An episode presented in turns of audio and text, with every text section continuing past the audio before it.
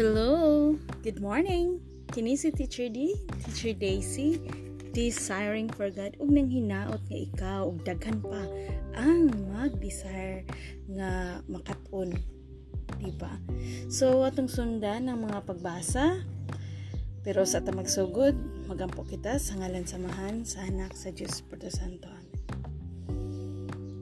Amahan namo nga nasa langit daghang salamat ini kabuntagon nga imong gihay hatag kanamo nimo kaming gitagaan og higayon nga mabuhi pa.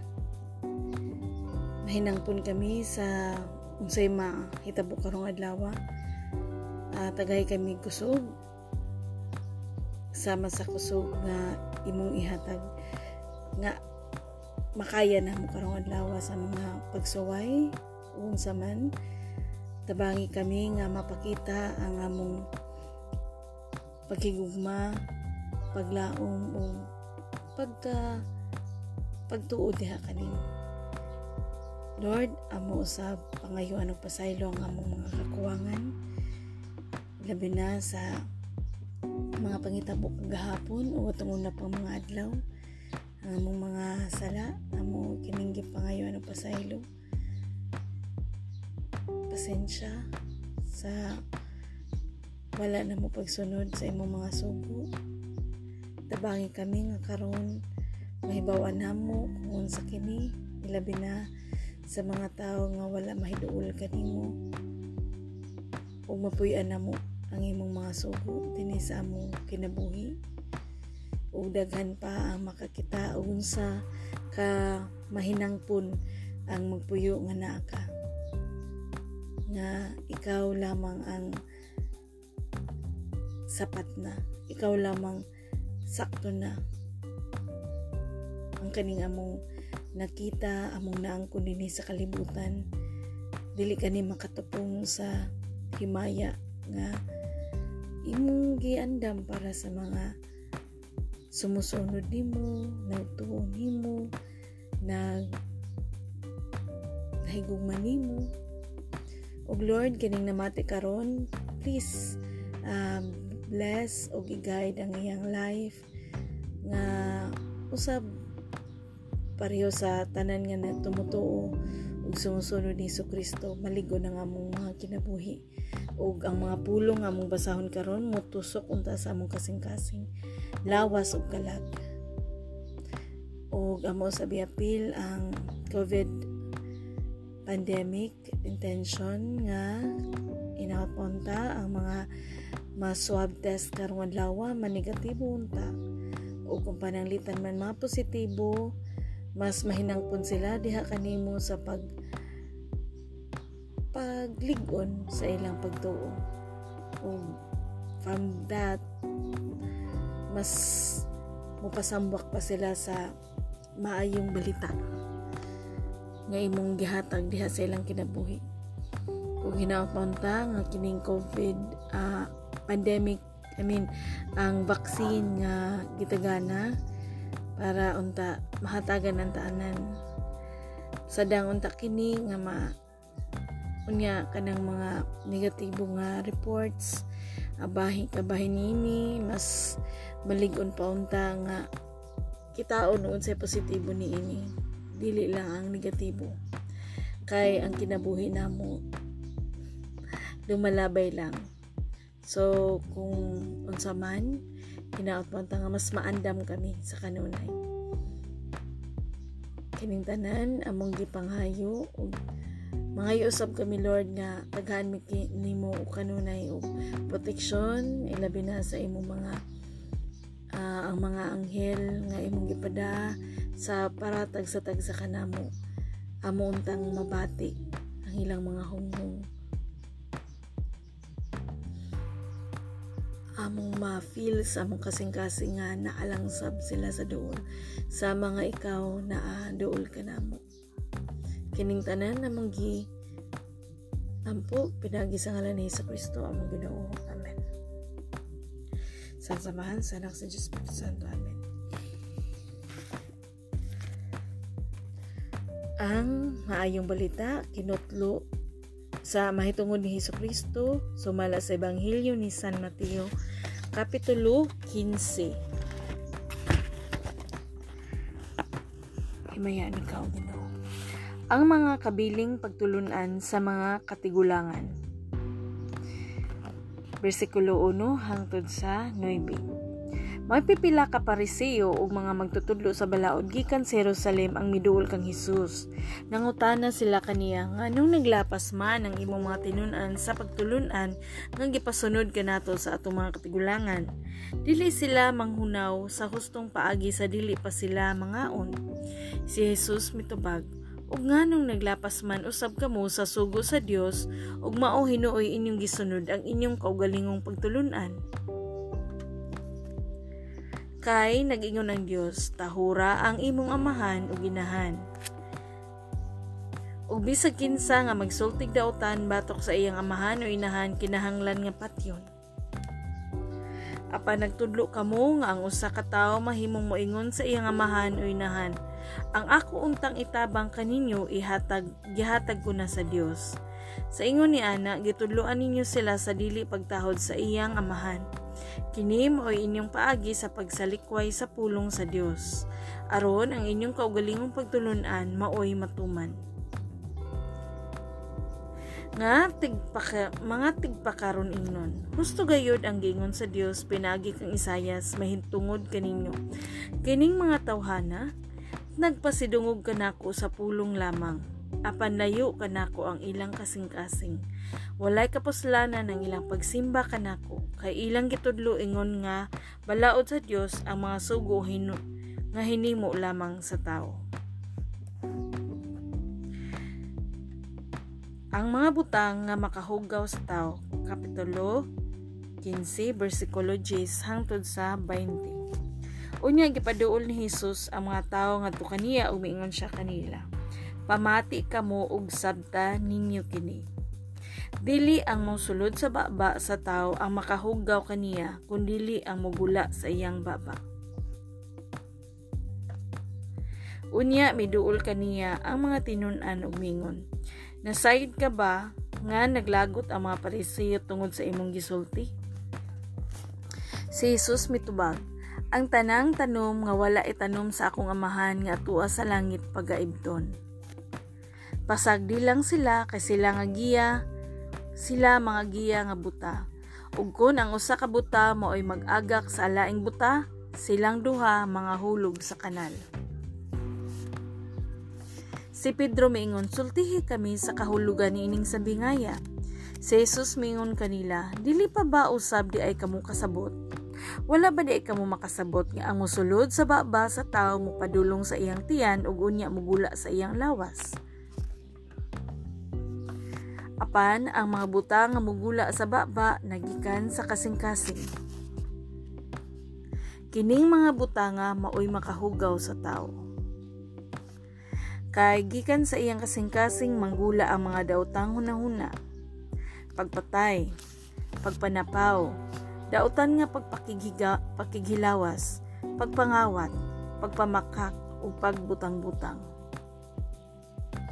Kini ang mga butang nga makahugaw sa tao. Apan, dili makahugaw sa tao kung mukaon siya nga dili una manghunaw sumala sa ilang giingon nga maoy angay buhaton.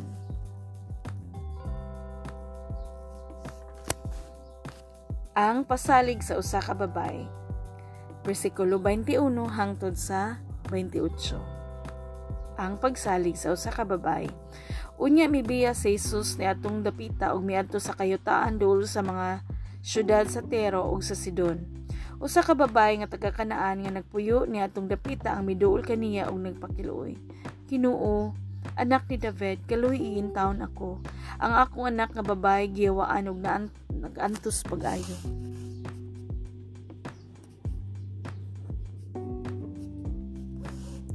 Apan wala mo tubag si Jesus, miduol ang iyang mga tinunan kaniya og miingon.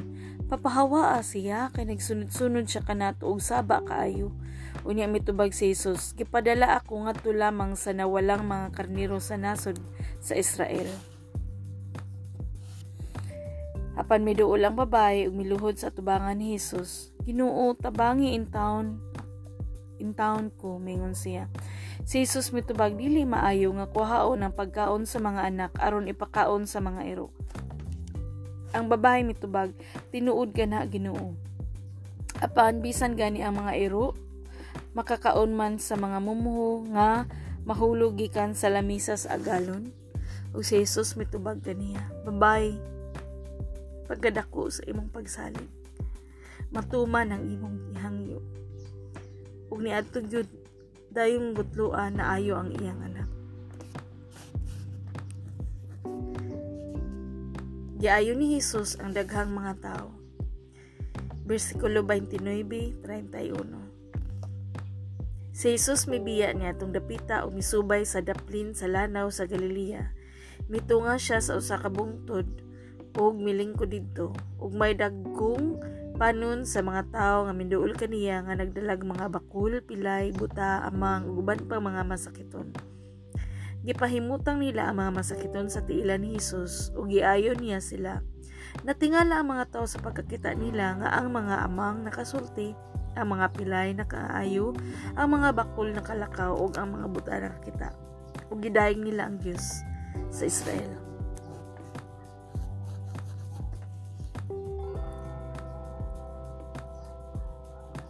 Gipakaon ni Jesus ang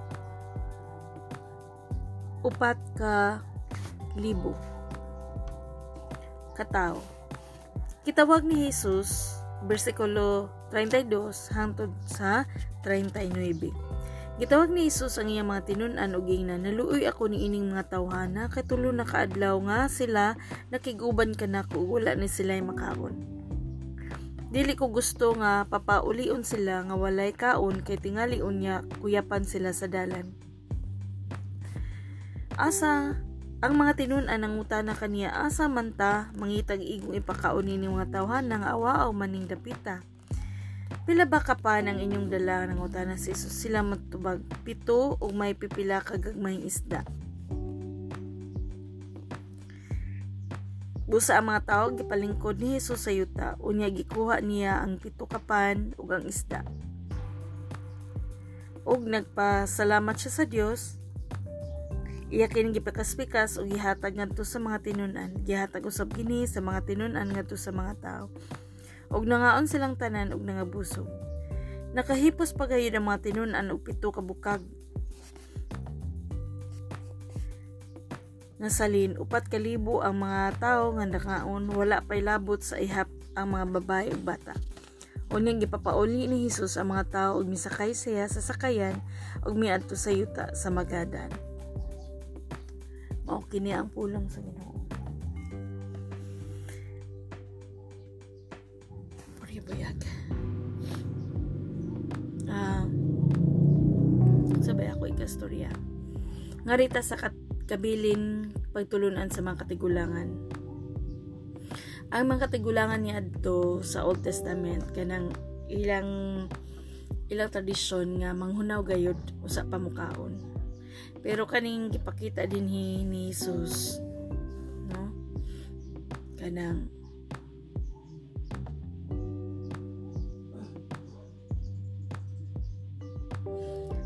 wala manguunaw ang iyang mga tinunan pero mingon si Jesus diri nga pagtulunan niya nga kani nga mga parisiyo nagpakita lamang sa unsay sundon pero wala nila buhata ang dapat buhaton. Mm ang ilang gisunod kung may pabor sa ilaha mo pa ilang sundon. Pero ang mga pulong mingon na diri pakita diri nga sa Iso Kristo pod batid pod sa bala uh, kasulatan nga mingon si Isayas kining mga tawhanan nagpasilungog kanako sa pulong lamang apan layo kanako ang ilang kasing-kasing.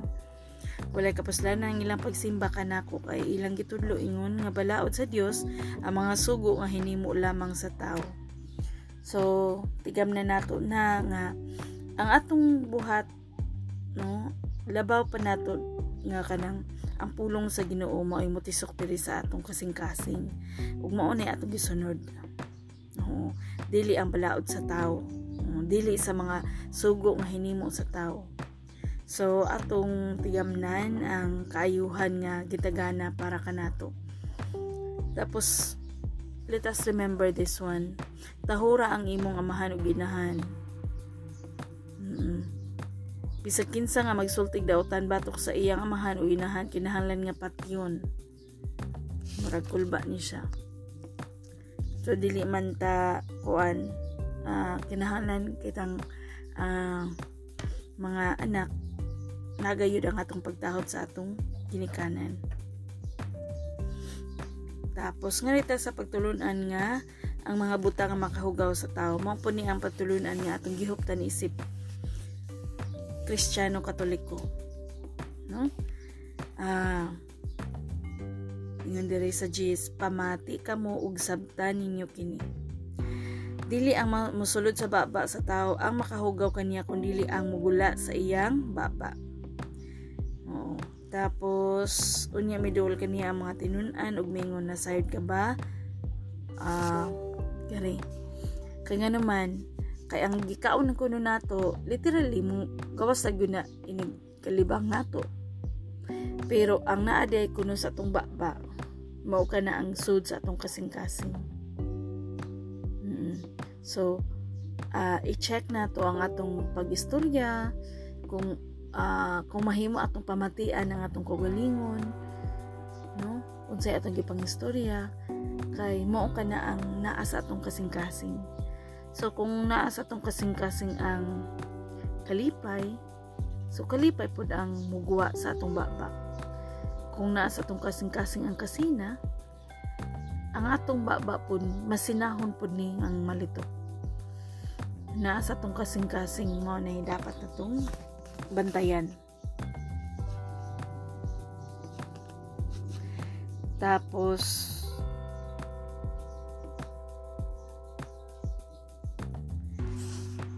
kini siya ha? Ang tanang tanong nga wala itanom sa akong amahan nga ato sa langit pagaibton.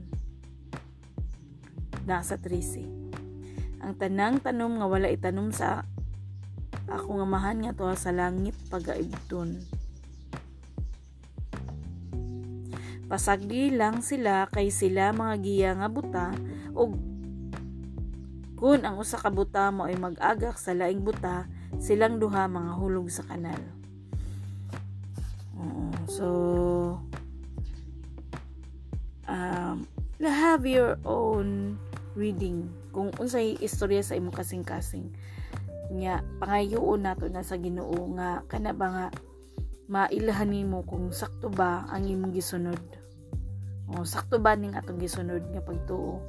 Sakto ba ang atong kwan? Kung kung kana nga pagtuo naking nahimong wall batok sa uban. Nga kana nga wall imong gi kita nga kami maayo sila dautan. Or unsa ba na nga wall? So naa kay separation ni ana nga wall. And para nako ang pagpuyong nga Kristohanon kinahanglan nag nagbugna kitag mga tulay. Mm-hmm. tulay unsaon na to pagintindi sa usag usa kay ka uh, igsuon ko diha ni Kristo lumalabay lang kita ni ining panahon na. Oo. So mao lang to. Marita sa ang pasalig sa usa pa, ang pagsalig sa usa ka babae. Very amazing ni siya nga leksyon. Kay gipakita gyud ni Jesus Christ din hinga para asa lang gyud ang iyang ang iyang role pagabot ni sa kalibutan. Para kuno siya sa mga taga-Israelita ang sugo kaniya para sa mga Israelita. Nga uh, ano nga murag feel na ko din ni tingali ni Israelita ni nga babae. Mm-hmm. Kay nga nung duwa man siya ko ana. Pero tungod kay pama, nindot kay nga leksyon diri nga kanang mingon si Jesus sa 28 nga pagkadako sa imong pagsalig tungod sa pagsalig nato sa Ginoo. No? Ah uh, nagayoy kitawag nga milagro. Nagayoy lami nga gasa. Dili matukib sa baba. Tapos direta sa daghang giayo sa Hesus Kristo sa bersikulo 29 hangtod sa 31 o gidayeg nila ang Dios sa Israel. Tapos nga rita sa nakainom mo kagahapon na itong libasa nga lima kalibo. Oh, lima kalibo ang gipakaon ni Hesus Kristo. Lahi po ning upat kalibo. Murag kani nga part, murag dili kayo ni uh, kuan murag ang sikat gud katong lima kalibo. Okay. Nga naman, ngari nga ang kani nga part mao ni ang part nga ang mga mga apostoles mao nay naida.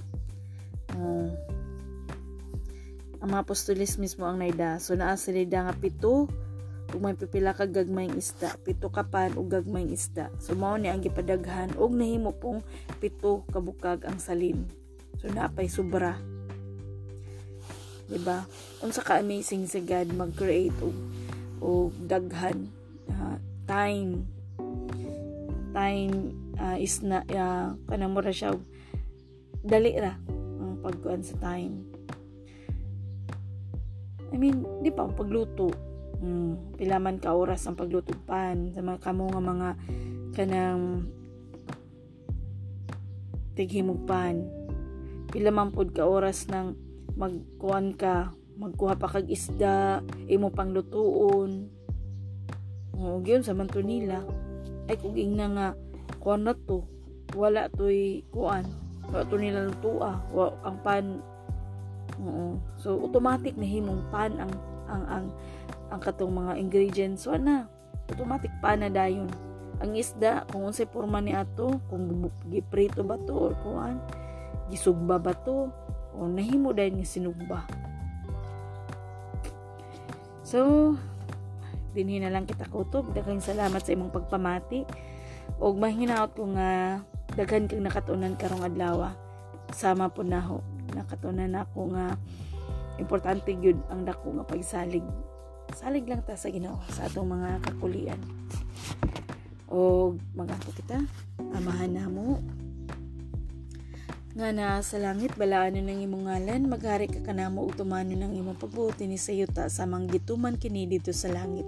Ihatag kanamo ang pagkaon nga mong gikinahanglan karong adlaw magpasaylo ka sa kami sa among mga sala sa mga kami nagpasaylo sa mga nakasala kanamo ayaw kami tugyan sa mga pagsulay luwas sa hinoon kami. Gikan sa dautan kay imong gingharian ang gahom ug ang himaya hangtod sa kahangturan Magimaya ka Maria na puno ka sa grasya ang Ginoong Diyos mo na kanimo. Bulan ikaw sa mga bahay tanan, bulan mo sa mga bungas, siyan mga sa Jesus. Santa Maria, inan ka sa Diyos, po mo kami mga kasasala. Karunong sa oras sa mga kamatay. Amen. Himaya, samahan, sa anak sa Diyos Espiritu Santo, mayon sa sinugdan, karon sa gihapon sa mga katuigan nga ulit katapos ang tanan. Amen. O ato ning sabat, follow after me, kaya ako anak sa Diyos samahan, Pinagi kang Heso Kristo, nga akong ginuog manluluwas, nabanan sa Diyos Espiritu Santo, ako mahigugmaon, ako may pagtuo, ako may paglaom, ako mapasayloon, ako magmapasalamaton, ako magmanggihatagon, ako responsable sa istorya, ako magmatumanon sa sugo, ako magmadayikon. Mao kini ang atong pagampot pinagi sa ngalan ni sa Kristo ang Ginoo. Amen. Sa samahan sa anak sa Diyos Espiritu Santo. Amen. Thank you. Thank you sa pagpamati. God bless. Bye. Have a great day